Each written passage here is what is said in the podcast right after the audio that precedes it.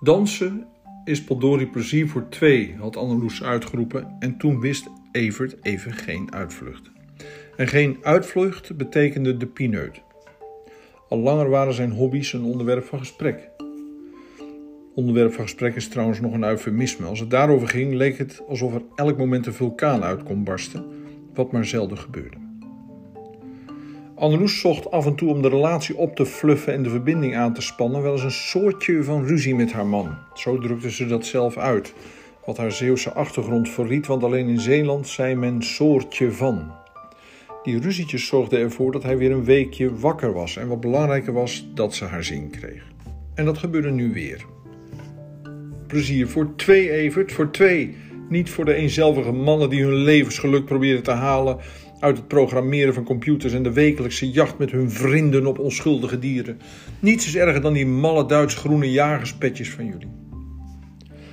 Hij had nogal wat gemaard, maar wist ook wel dat hij het zou verliezen van de onverzettelijkheid van een vrouw uit de provincie die Luctor, Luctor et Emergo als slogan had.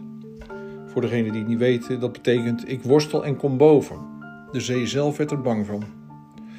Dus had hij zijn bril met de wijsvinger teruggedrukt op de brug van zijn neus. Een gebaar dat zijn verwarring illustreerde, wat zij, wat zij natuurlijk wist. Al snel had hij ja gezegd tegen haar verzoek om samen op salsa-les te gaan. Maar meer nog om een andere reden die met niemand anders dan de vrienden van de jacht zou delen. Alleen zij die met hem het oergevoel van het jagen ondergingen, konden hem immers begrijpen.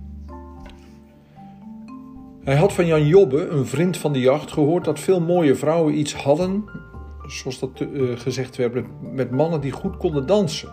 Vooral tango en salsa deden het goed bij hen. Nu verkeerde Evert in de veronderstelling dat Jan Jobbe dat wel wist, omdat hij een man van de wereld was. Althans, dat zei hij steeds, en vooral in het Engels. I am a man of the world. Dat aandringen van Anneloes op dansen viel dus mooi samen met het in beeld komen bij de dames. Een neiging die de laatste tijd meer en meer door het hoofd ging van Evert. Sinds zijn vroege puberteit was hij niet meer zoveel met vrouwen bezig geweest. Hij probeerde het een beetje te relativeren, maar het gebeurde gewoon. De vrienden van de jachtclub plaagden hem er een beetje mee. Toen hij het onthulde. Binnenkort komt Evert op de club met een BMW custom bike, mannen, zei de een. En een tattoo op zijn arm, zei een ander.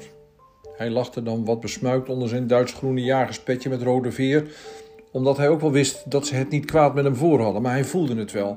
De mannen dachten dat hij in de midlife zat. En misschien was dat ook wel zo. Die biologische dingen werkten zo ondergrondelijk in je en vaak ook zo onbewust.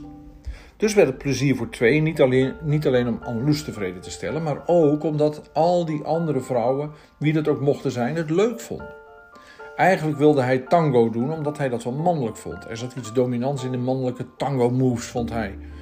Maar zij gaf de voorkeur aan salsa, waar hij een beetje tegenop zag, omdat hij vermoedde dat hij wat minder soepel in de heupen was. Deze zaken besprak hij met Jan Jobbe, maar niet met de andere vrienden van de jachtclub en al helemaal niet met Anneloes.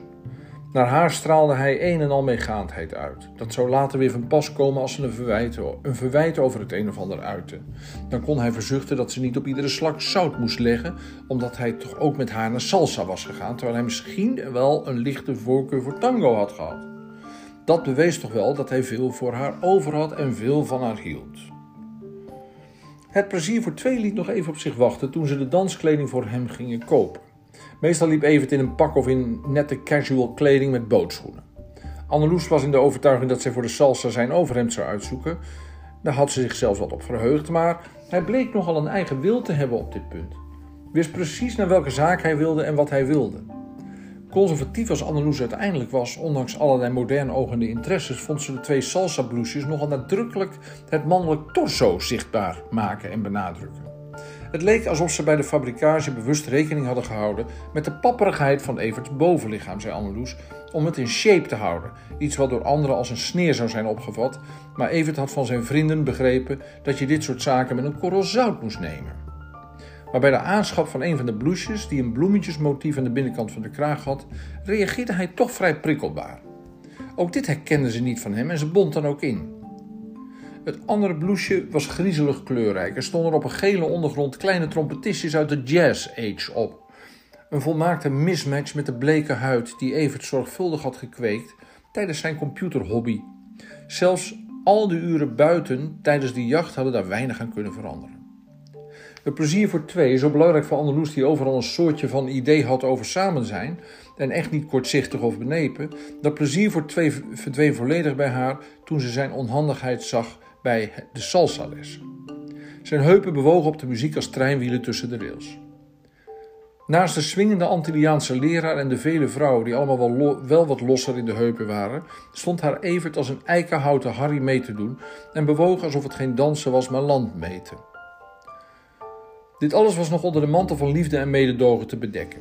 De stroom viel pas echt bij haar uit toen hij na de dansles als enige danspasjes bleef maken op de muziek en daar later over zei dat iedereen naar hem keek. Ze wist niet wat ze hoorde. Dacht hij nu echt dat hij goed danste? Dacht hij werkelijk dat anderen een voorbeeld aan hem wilden nemen? Aan deze robot. Ze schaamde zich zo dat ze tegen een medecursist zei dat Evert en zij goede vrienden waren, maar, maar ze zag aan zijn gezicht, aan, het gezicht vol medelijden van de vrouw, dat die het niet geloofde. En terwijl hij in de waan van zijn verkeerde zelfbeeld bewoog als een geautomatiseerde lopende band uit de vorige eeuw, werd zij inwendig woest op de man of vrouw die het ooit in het hoofd had gehaald om dansen plezier voor twee te noemen. In elk geval was een les in salsa dansen voor echtparen de lakmoesproef van iedere relatie. Hoewel haar echte scheidingsbesluit pas kwam nadat hij in een vlaag van overmoed, aangemoedigd door zijn jachtvrienden, een salsales met zijn Duits-groene jagershoedje had doorgebracht. Toen wist ze echt niet meer hoe ze ooit nog van deze man moest kunnen houden. Sorry, toen wist ze echt niet meer hoe ze ooit van deze man moest houden. Niet gek dat ze een half jaar later een verhouding begon met Jan Jobbe, ondanks haar Zeeuws conservatieve karakter.